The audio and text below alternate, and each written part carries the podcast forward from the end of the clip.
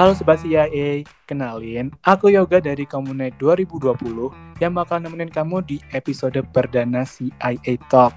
Waduh, ini episode pertama dan pasti bakalan istimewa banget gak sih? Jujur aku bener-bener excited banget sih bisa chit-chat bareng Sobat CIA. Apalagi kali ini kita bakalan chit-chat tentang apa sih yang sedang happening nih di CIA tahun ini. Sebelumnya kita punya nih, sudah nyediain special guest yang bahkan dia tuh request sendiri. Tapi boleh, boleh banget langsung aja kenalin diri kamu nih, Narsum Istimewa. Halo. Hai, hai semuanya. Sebelumnya kenalin aku Amodia, tapi bisa dipanggil Amo. Aku Communite 20. Halo Amo, ini boleh nggak sih dikenalin lebih detail lagi kayak zodiaknya apa, MBTI-nya apa? Hmm. Oke, okay. uh, zodiak aku Libra, Libra September, MBTI aku NTP, foton aku Rabu Rabu Wage, kalau status uh, sedang progres hmm, dengan diri sendiri maksudnya. Hmm, progres nggak tuh? Oke. Okay. Nah, kenapa sih kok dia request sendiri? Nah, karena dia adalah PL dari CI tahun ini nih. Nah, tapi aku juga kepo sih, dan paling sobat CIA juga kepo tentang apa yang mau dibawain CIA. Kamu mau bawa CIA ke mana sih, Mo?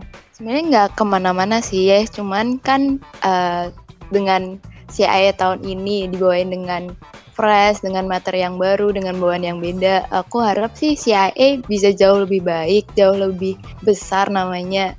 Dan pastinya uh, jauh lebih ngangkat nama Ilkom sih untuk ke luar-luarnya ke eksternal ke publik. Seperti itu. Nggak muluk-muluk kok serius. Karena kesibukan si AI ini aku pengen tanya sebelum kita bahas lebih dalam lagi nih. Aku pengen uh, pengen tanya kabarmu bagaimana Amo setelah bekerja selama ini jujur pusing aku sangat butuh koyo kalau kalian mau subsidi atau mau mendukung aku sebagai PL di CAE boleh banget kalian ngirimin aku koyo atau enggak panadol merah atau enggak rokok tuh boleh banget nih. Oke nanti aku taruh alamat kamu di link deskripsi mungkin ya. Oh, iya, boleh, boleh, boleh, boleh banget beneran ya. Tapi overall uh, aku baik sih, uh, sehat jasmani, rohani, aman lah, aman, aman.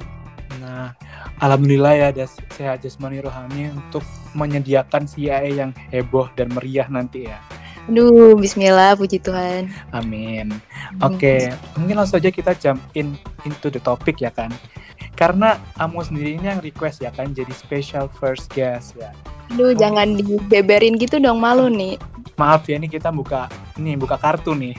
aduh, aduh, maaf, maaf. Oke, oke, lanjut nih ya. Oke, okay. langsung aja mungkin kita bisa omongin soal seni ya kan. Karena kamu udah baca kan judulnya adalah Love Gone between Amo dan Art ya kan mungkin bisa dijelasin nih uh, kenapa aku bisa melekat banget sama seni? Mungkin karena pengaruh dari lingkunganku sendiri lingkungan terdekat khususnya yaitu dari keluargaku. Karena keluargaku tuh adatnya masih kencang kencang buat adatnya deh. Oh ya yeah, just information uh, aku berdarah mau merek dan itu adatnya masih kenceng banget dan masih dipegang sampai sekarang sampai ke generasi aku dan budaya itu melekat banget sama kesenian. Nah makanya dari aku bahkan belum sebelum aku sekolah pun itu seni tuh udah bener-bener dah, dah jadi bagian dari hidup aku gitu. Kayak aku udah dikenalin sama seni sama orang-orang terdekat aku. Entah itu seni tradisi dari keluarga sendiri, seni tradisi yang uh, tradisi suku-suku lain atau seni-seni yang lebih modern. Jadi ya seni tuh udah bagian dari hidupku banget lah kayak tanpa seni kamu tuh apaan sih kayak udahlah kamu sama seni tuh bener-bener udah satu paket yang harus berjalan seiringan. Oh, berarti ini ya udah dari kecil, udah dari sebelum sekolah mungkin ya tadi ya katanya Mo ya? Yap, betul. Karena udah familiar kan sama seni dari kecil.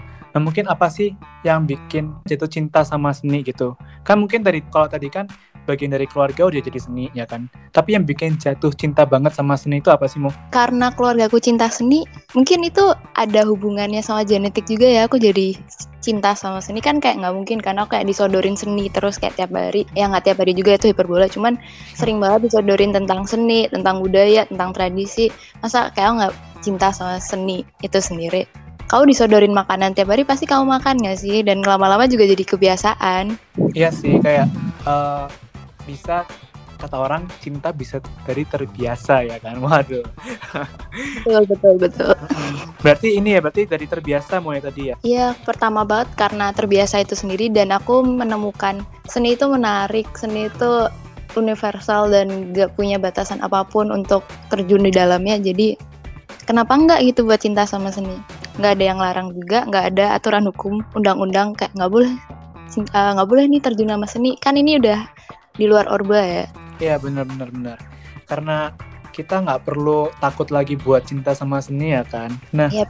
Nah mungkin aku mau tanya nih karena paling sobat CE juga kepo karena Amo dari kecil udah suka sama seni dan CI tahun ini juga uh, bertemakan seni dalam berkomunikasi.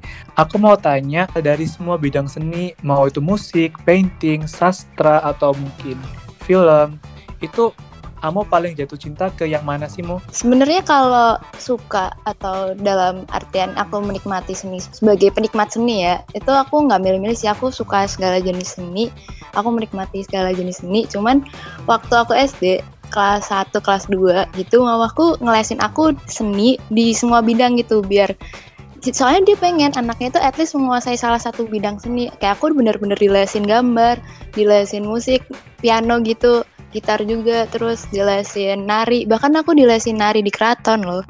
Cuman akhirnya uh, yang benar-benar sampai sekarang aku tekunin tuh di bagian seni lukisnya sih. Dan mungkin uh, aku punya interest yang lebih juga di bagian sastra.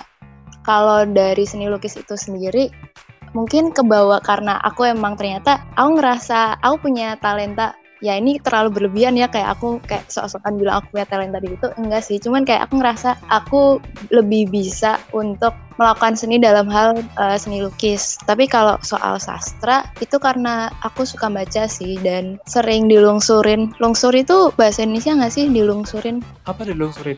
Aduh, itu kayak bahasa Jawa Tengah Jogja dan sekitarnya deh. Dilungsur itu kayak uh, dari turun temurun gitu loh buku oh. uh, buku-buku dari kakekku, dari omku, dari mamahku. Jadi aku sebenarnya jarang banget beli buku baru karena buku-buku dari mereka tuh banyak banget yang masih belum aku baca. Dan karena aku suka baca buku, jadi aku juga jatuh cinta sama sastra gitu. Ini mungkin sebagai contoh uh, salah satu buku yang benar-benar aku suka all time favorite itu bukunya Harper Lee judulnya To Kill Mockingbird. Terus kalau buku-buku dalam negeri itu suka banget buku-bukunya Lela S. Chudori yang kayak Nadira, Laut Bercerita, terus Pulang, terus buku-bukunya Jenar Maisa Ayu.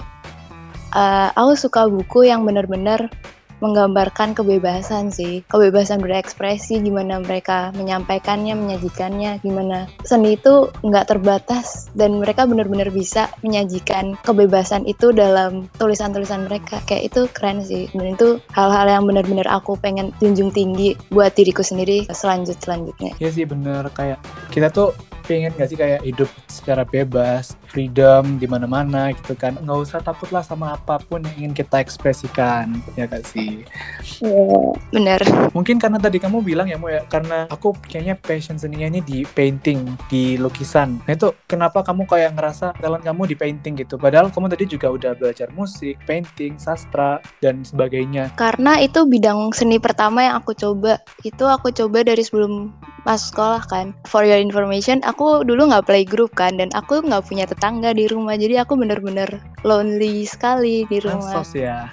Iya, banget. Terus sama mamahku, dia ngasih aku kan waktu kita kecil masih sebelum sekolah tuh kan kayak dunia digital, kayak sosmed tuh kan juga belum ada nggak sih, belum bisa nonton YouTube secara bebas kayak sekarang. Jadi iya. mamahku ngasih aku hiburan dengan membelikan aku paket cat lukis terus paket mewarnai pokoknya bener-bener hal-hal yang berbau melukis gitulah terus aku uh, dengan rebelnya aku ngelukis tembok-tembok rumah aku gitu wow. uh, mungkin tadi udah cerita kayak memang dari kecil udah di ini kan dari beritahu seni itu apa terus tadi dari kecil udah painting duluan dari sebelum sekolah dan spending time mostly with seni ya kan. Mungkin kamu bisa kasih tahu gak mau kayak tadi kan kamu udah ngasih tahu artis dari sastra. Mungkin kalau dari painting kamu prefernya ke siapa mau artisnya? Ada satu nama yang benar-benar apa ya panutan aku banget. Waktu aku dikenalin pas aku SD sama om aku. namanya Salvador Dali. Dia pelukis dari Spanyol. Masa kejayaannya mungkin tahun 20-30-an. Dia tuh terkenal sebagai pelukis alam mimpi. Kenapa? Karena lukisan-lukisan dia tuh uh, dia menggambarkan objek dan subjek nyata, cuman bentuknya aneh. Makanya kayak dia disebut pelukis alam mimpi. Terus dia juga benar-benar menyajikan mimpi itu sendiri di mana waktu kan kita kalau dalam keadaan sadar, keadaan sober, waktu itu kan berjalan terus kan kita nggak bakal bisa mengungguli waktu karena waktu itu apa ya sebagai waktu itu sebagai pengatur kehidupan manusia karena dia bakal terus berjalan walaupun manusia itu berhenti duduk doang tiduran tetap aja waktu bakal terus berjalan makanya dia ngangkat mimpi karena di dalam mimpi waktu itu jadi powerless waktu itu nggak guna di mimpi. Makanya ada nih salah satu lukisannya Salvador Dali yang benar-benar terkenal and one of my favorite yang judulnya The Persistence of Memory. Mungkin kau uh, abis ini bisa cek visualnya kayak gimana. Nah di lukisan itu tuh ada tergambar arloji, arloji, arloji apaan sih bahasa normalnya jam-jam. Jam-jam, jam. Jam yang bentuknya tuh meleleh kayak gitu. Itu menggambarkan kalau waktu di alam mimpi itu benar-benar sepowerless itu ketika kau bermimpi waktu itu nggak berjalan waktu itu nggak guna jadi kau bisa memimpikan apa aja di alam mimpi kamu itu oh wow karena ini ya karena emang nggak berlaku banget waktu di mimpi kali ya Mo ya jadi yeah. bebas banget dalam berekspresi hmm. gitu bener bener banget hmm. makanya kayak oh my god kayak dia tuh benar-benar seorang panutan dan situasi arloji yang meleleh itu kan juga pas banget dengan situasi yang dialamin Salvador Dali waktu itu itu kan pas masa-masa perang dunia pertama kan hmm. nah masyarakat tuh kan uh, lagi sengsara sengsaranya tuh lagi perang kan. Makanya kayak lukisan-lukisan dia tuh menggambarkan mimpi atau gambaran masyarakat di masa sebelum perang kayak masa-masa mereka masih makmur. Jadi kayak oh my god Salvador Dali itu benar-benar pertama merombak uh, seni itu sendiri di zaman dia dan makna yang dia sampaikan tuh benar-benar kena banget lah di aku. Kayak god. Kalau menurut kamu sendiri, uh, kamu ini nggak juga preferring sama stylenya dia nggak? Kan painting kan juga ada stylenya kan? Yep. Pengetahuanku. Yap, itu dulu waktu aku masih suka sukanya main-main cat itu aku uh, mengarahkan gaya atau aliran lukis aku ke situ sih ke surrealisme gitu hmm. makanya gambar-gambar dia aneh gitu nggak paten tapi kayak jam meleleh tadi mungkin ya yang nggak ya, pasti ya. gitu hmm. dan bentuk-bentuk muka atau badan manusia yang dia bikin tuh juga aneh-aneh nggak kayak badan manusia normal ya nggak cacat sih cuman bentuknya aneh ya mungkin But, karena ini ya di mimpi kali ya mu ya ya betul sekali Oke. Kalau misalnya gitu, uh, berarti kan tadi kan kita udah ngomongin kayak artis favorit yang di painting ini dan sastra. Tapi kalau misalnya di bidang lainnya mungkin mau musik atau mungkin movie, ada nggak mau kayak bener-bener juga suka gitu? Uh, kalau soal musik itu ada satu penyanyi ada satu musician yang aku suka banget. Sebenarnya aku uh, suka dia karena ada satu lagu yang benar-benar all time favorite aku, uh, Billy Joel dan judul lagu yang aku suka banget itu adalah Vienna. Ini apakah aku harus telanjurkan ke alasan dan sebagainya? Ya dong, harus biar sobat CIA ini bisa kayak oh aku juga harus dengar itu tuh gimana tuh? Aduh maaf banget ya nih jadi fafu gitu tapi oke okay, baik. Karena kau minta dan aku suka bercerita baik akan aku ceritakan. Benar. Oke. Okay. uh. yuk. Uh, kan uh, lagu Vienna-nya Billy Joel ini benar-benar apa ya maknanya tuh memorable buat si Billy ini sendiri. Jadi waktu kalau nggak salah waktu Billy umur 8 tahun dia tuh kepisah sama bapaknya. Bapaknya tuh pergi gitu kan ninggalin dia. Dan pas dia umur 20-an awal entah tuh 23, 24 atau 22 sekitar gitu dia tuh mulai ngetrek bapaknya pengen nyari nih bapaknya di mana and finally he found his dad di Vienna Vienna itu di Austria kalau nggak salah iya di Austria bukan nggak salah lagi emang di Austria terus akhirnya dia uh, datengin tuh bapaknya di Vienna kan.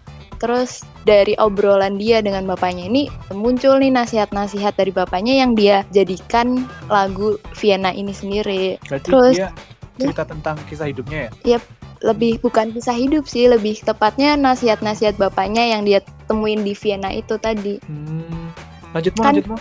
Tadi selesai ya? Kan eh, si Billy ini diajak jalan-jalan tuh sama bapaknya keliling-keliling Vienna.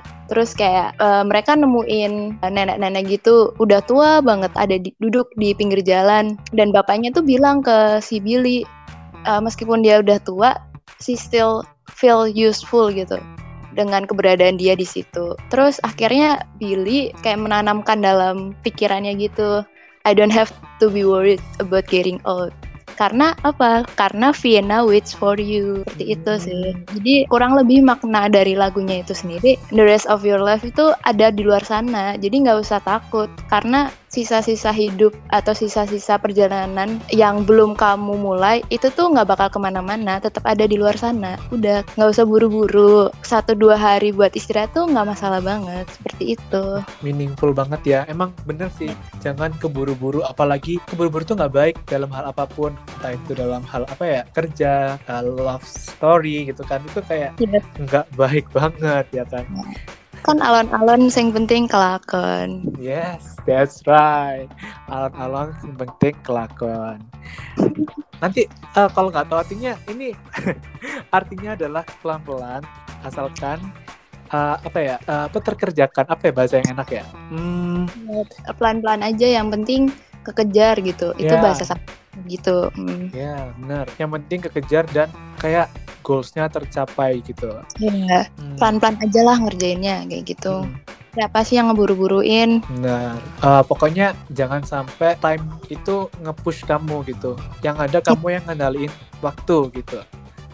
Betul sekali. Hmm. Yes. Nah, karena kita udah ngomongin artis juga, artis dari musik, painting, sastra ya kan. Kalau kamu sendiri, mau kamu pernah nggak lihat diri kamu sendiri itu sebagai seni yang berharga gitu? Mungkin kalau kayak ngelihat diri sendiri sebagai seni yang berharga itu pastinya sih itu kayak seni yang berharga itu cuman uh, istilah lain lah frasa lain dari kayak aku menganggap diriku ada, aku berpikir maka aku ada. Tau gak sih kor gitu egoism? Ya ampun maaf ini kayak Gak apa-apa, aku tahu, aku tahu. tahu. ke filsafat lagi sebenarnya itu cuman pengertian yang berbeda aja dari hal-hal kayak gitu kayak Hmm. mungkin kalau bahasa lebih sederhananya kan kayak semua orang tuh berharga dan sebagainya itu sama aja dengan menganggap diri sebagai seni yang berharga itu sama aja pengertiannya dan ya pastinya aku menganggap diriku berharga dong Nggak ada yang anggap dirinya nggak berharga. Pasti semuanya nganggap uh, semuanya Aduh. berharga.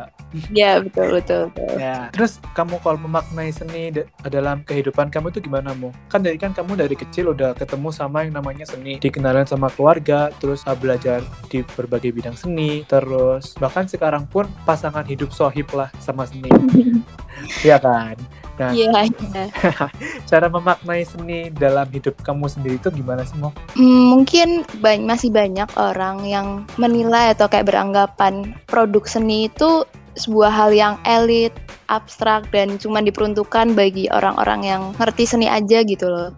Tapi sebenarnya dunia kesenian itu enggak cuma terbatas pada hal-hal itu, itu lebih luas, lebih universal dan dunia kesenian itu punya kelebihan yang mungkin nggak bisa dimiliki sama hal-hal lain di luar kesenian yaitu melalui seni seni itu memberikan sentuhan emosi dan perasaan terhadap masyarakat yang melihat dan berada di sekitarnya melebihi apa pun yang bisa disampaikan hal lain di luar seni gitu loh. Dan sentuhan-sentuhannya itu tuh berupa perubahan konsepsi kehidupan, terus kayak cara berpikir dan pastinya ini tuh arahnya ke hal-hal yang baik dan positif, selalu optimis gitu. Hmm, Dan kelebihannya lagi yang seni ini punya adalah mediumnya atau medianya itu tuh banyak banget apalagi dengan seiringnya berkembangnya zaman nih. Uh, seni seni itu udah macem-macem banget deh. Seni sekarang tuh bener-bener bisa ditemuin di mana aja, sekecil apa pun atau segede apa pun. Seni tuh ada di mana-mana. Walaupun kita sadari atau enggak. Iya nggak sih? Kayak bahkan kita bangun tidur pun terus kayak beraktivitas apa itu kayak pasti kita nemu seni di situ ya kan? Iya, betul. Hmm, kayak semua momen yang ada di hidup kita kembali lagi ke memori ya karena tadi artis-artis yang Amo sebutin itu berdasarkan memori semua emang memori itu Iya. benar-benar bisa menghasilkan seni yang berharga menurut aku sih dan Iya. pasti kamu juga setuju karena kamu juga nganggap seni juga kayak gitu kan kalau misalnya ngomongin memori ya kan mungkin ada nggak sih momen di mana kayak kamu ngerasa aku bener-bener uh, ada di jalan ini. Seni itu ngubah hidup aku banget. Itu pernah nggak sih ngerasa kayak gitu? Kalau seni itu ngubah hidup aku banget itu mungkin bukan perasaan yang kayak gitu sih yang aku rasain. Karena seni udah berjalan dengan hidupku tuh sejak aku kecil. Jadi itu udah bukan ngubah di tengah-tengah lagi. Itu emang udah ditanamkan sejak awal sih. Tapi kalau aku yakin aku bakal selalu berada di dalam bidang ini bidang seni itu sendiri itu mungkin pas aku SMA sih. Sebenarnya waktu aku SD sampai SMP itu aku punya satu cita-cita yang nggak pernah tergantikan yaitu jadi arsitek karena aku suka gambar dan don't judge me aku suka MTK dulu sumpah wow. aku MTK mematikan ya matematika Iya, makanya. Cuman karena SMA aku masuk IPS, ya bisa sih anak IPS masuk arsitektur. Cuman kayak uh, karena aku lebih mengenal dengan dunia sosial humaniora kayak gitu. Jadi kayak interestku lebih ke seninya lagi kayak MTK kan cuman MTK wajib doang kan IPS. Jadi kayak ya MTK aku malah berkurang drastis pas eh, pas SMA. Bahkan nilai ujian sekolahku aja 4 apa 5 gitu. Jadi ya karena hal itu tuh jadi pengaruh aku kayak lebih mendalami seni itu sendiri dan dari mamahku sih uh, waktu itu pas aku SMA kelas 10 atau kelas 11 aku kurang tahu estimasi waktunya kapan. Aku ingat banget mamaku bilang sama gini kayak kak Boyo kamu jadi seniman aja toh. Meme tuh lihat kamu sangat enjoy menikmati, sangat enjoy menikmati. Itu kalimat yang tidak efektif, tapi intinya seperti itu. Yes. Uh, Meme tuh lihat kamu benar-benar enjoy gitu sama seni, itu benar-benar hal yang kamu sukain dan hal yang udah jadi bagian dari hidup kamu. Jadi ya udahlah, kamu jadi seniman aja. Meme nggak nuntut banyak kok, nggak harus jadi PNS, nggak harus kerja gimana-gimana. Yang penting kamu enjoy your life being an artist. Terus kayak ya pun itu benar-benar kayak wow aku mendapat privilege restu orang tua untuk menjadi seniman gitu loh. Aduh, yang aku tahu banyak di luar sana orang-orang yang gak dapet restu kayak aku dan itu kayak sebuah apa ya anugerah dan apa ya aku benar-benar menghargai gimana mamaku menyampaikan hal itu sih. Mamaku nggak bener-bener nggak maksa aku untuk harus jadi seperti ini seperti itu tapi bener-bener enjoy my life dengan dunia seni ini. Tapi tentunya aku nggak bener-bener mau jadi senimannya bukan karena aku nggak mau tapi kayak uh, aku lebih tertarik di bagian medianya sih kan hmm. media tuh kayak apa ya bentuk modernnya dari seni lah menyerempet ya, merempet dikit cuman uh, menghasilkan duit lah at least. Iya benar-benar. Emang bener sih kayak nggak semua orang dapat privilege kayak uh, kamu diizinin di bidang seni. Bahkan fun fact aku sendiri tuh dulu pernah tertarik sama ini isi. Oh, gimana tuh? yuk aku tertarik banget sama jurusan uh, teaternya karena aku juga suka oh, acting gitu kan. yep. Tapi ya gitu karena nggak ada restu orang tua juga kan. Jadi nggak mungkin hmm. aku ngambil itu gitu. Okay. Wow banget sih. Bener-bener. Tapi kalau sampai sekarang kamu masih mendalami act dunia acting-acting gitu nggak? Masih ada kayak include masih join komunitas teater atau something like that? Jujur, jujur udah udah jarang banget. Tapi karena aku ini benar-benar suka banget jadi aku kadang itu bikin skrip sendiri uh, wow. bikin cerita sendiri gitu terus aku sendiri yang bakal baca gitu saking aku pengen banget berakting gitu ayo yok jangan takut lah coba-coba LKM lah paling enggak atau komunitas eksternal gitu Iya, aku pengen nyoba-nyoba gitu, pengen apa ya, ngeksplor lebih jauh lagi gitu kan. Karena kurangnya wadah juga, uh, karena di kuliah ini kan kita online juga ya kan. Dan mm -hmm. mungkin kita kurang wadah kayak mau mengekspresikan kita mau seni apa ya, kayak berakting lah, painting lah, sastra. Kalau kamu sendiri, kenapa kamu akhirnya decided gitu? Karena menurut aku sih kan ini mau ngangkat seni ya kan. Iya. Terus pasti bisa jadi wadah ya kan bagi wadah seni di khususnya ilmu komunikasi ya kan. Yep. Mungkin apa yang uh, akhirnya kamu decided buat ngangkat seni uh, untuk konsep CI ini? Seperti kayaknya tadi aku sudah sempat nyebutin kalau misalnya seni itu nggak punya batasan. Hmm. Seni itu universal, universal dan mediumnya banyak banget. Nah itu itu dia jawaban aku seni itu mediumnya banyak banget dan semua orang tuh secara nggak langsung tuh pernah sekali dua kali dalam hidupnya itu berkecimpung dalam seni bisa dari atau tidaknya Iya sih. jadi ya udah kayak oke untuk si Ai tahun ini kenapa nggak aku ngangkat hal yang benar-benar aku suka aku dalamin dan aku tahu gitu loh ya udah aku angkat aja seni eh beneran jadi si Ai tahun ini Iya sih, kayak keren banget. Bahkan pasti minat orang-orang buat seni itu banyak banget, ya kan? Ini seni tuh juga lagi tren-trennya nggak sih? Kayak Iya. anak-anak si edgy gitu kayak Hmm, Hmm, nggak salah sih sama sekali nggak salah. Bagus kok justru. Kayak mereka mulai mungkin emang uh, mostly orang-orang uh, awalnya tertarik karena oh ini lagi tren. Kayak oh oke ya kayaknya orang kalau misalkan aku kayak gini kelihatannya keren. Tapi kan lama-lama mereka juga pasti kan nge-research ngasih uh, mencari tahu lebih banyak lagi soal hal yang pengen mereka tahu. Ya udah itu uh, mereka udah berkecimpung lah dalam kesenian ini sendiri. Hmm, bener nggak ada salahnya kalau misalkan kamu nganggep hanya ngang hanya sebatas nganggep keren ya anak-anak yang artsy gitu ya nggak masalah banget. Itu kayak udah jadi apa ya step first step untuk kamu masuk ke dalamnya gitu loh. Hmm, kamu udah tertarikan terlebih dahulu. Benar-benar. Emang kalau udah tertarik itu adalah kunci utama buat kamu masuk ke bid- suatu bidang gak sih? benar banget. Hmm. Nah mungkin kita bisa kasih spoiler kali ya mau sedikit aja tentang konsep CIA itu mau dibuat kayak gimana nantinya. Biar sobat CIA ini wah keren banget nih CIA nanti bakalan kita. Waduh, sebenarnya kalau soal konsep tuh udah rilis di mana-mana sih di IG Himanika UB ada, IG CIA ada, di grup-grup juga udah kesebar. Tapi mungkin ini bakal aku jelasin secara verbal kan ya. Karena itu aku baru desain dan tulis secara tulisan aja. Hmm, tahun ini CIA ngangkat tema Communicate and Spread Your Value Through Art. Nah itu dari temanya aja tuh sebenarnya udah jelas eh, tujuan dari konsep ini tuh apa sih? Kita tuh mau ngangkat value individu per masing-masing orang karena eh, setiap orang tuh berharga dan setiap orang tuh punya nilainya masing-masing dan itu yang mau aku angkat. Tapi eh, yang membedakan adalah mengangkat value-nya ini melalui mediumnya yaitu seni. Seperti itu. Toh juga seni itu kan salah satu media dalam berkomunikasi. Komunikasi itu juga bisa kayak ditersampaikan gitu karena kita kan berseni juga mengekspresikan apa ya emosi kita dan itu juga bisa termasuk pesan dalam berkomunikasi juga gitu kan. Bener banget. Hmm. Terus seni sendiri kan juga sifatnya kolektif kan. Dari si pencipta seninya dengan penikmatnya itu mungkin bisa beda nih maknanya. Dan dari penikmat A ke penikmat B juga bisa beda juga antar penikmat seninya. Dan tapi dari perbedaan yang ada itu pasti ada satu benang merah yang menyambungkan si karya seni itu sendiri. Makanya seni itu sifatnya kolektif. Hmm, dan balik lagi ya, karena seni juga nggak punya batasan, jadi orang-orang bebas banget mau berpikir apa tentang seni itu sendiri.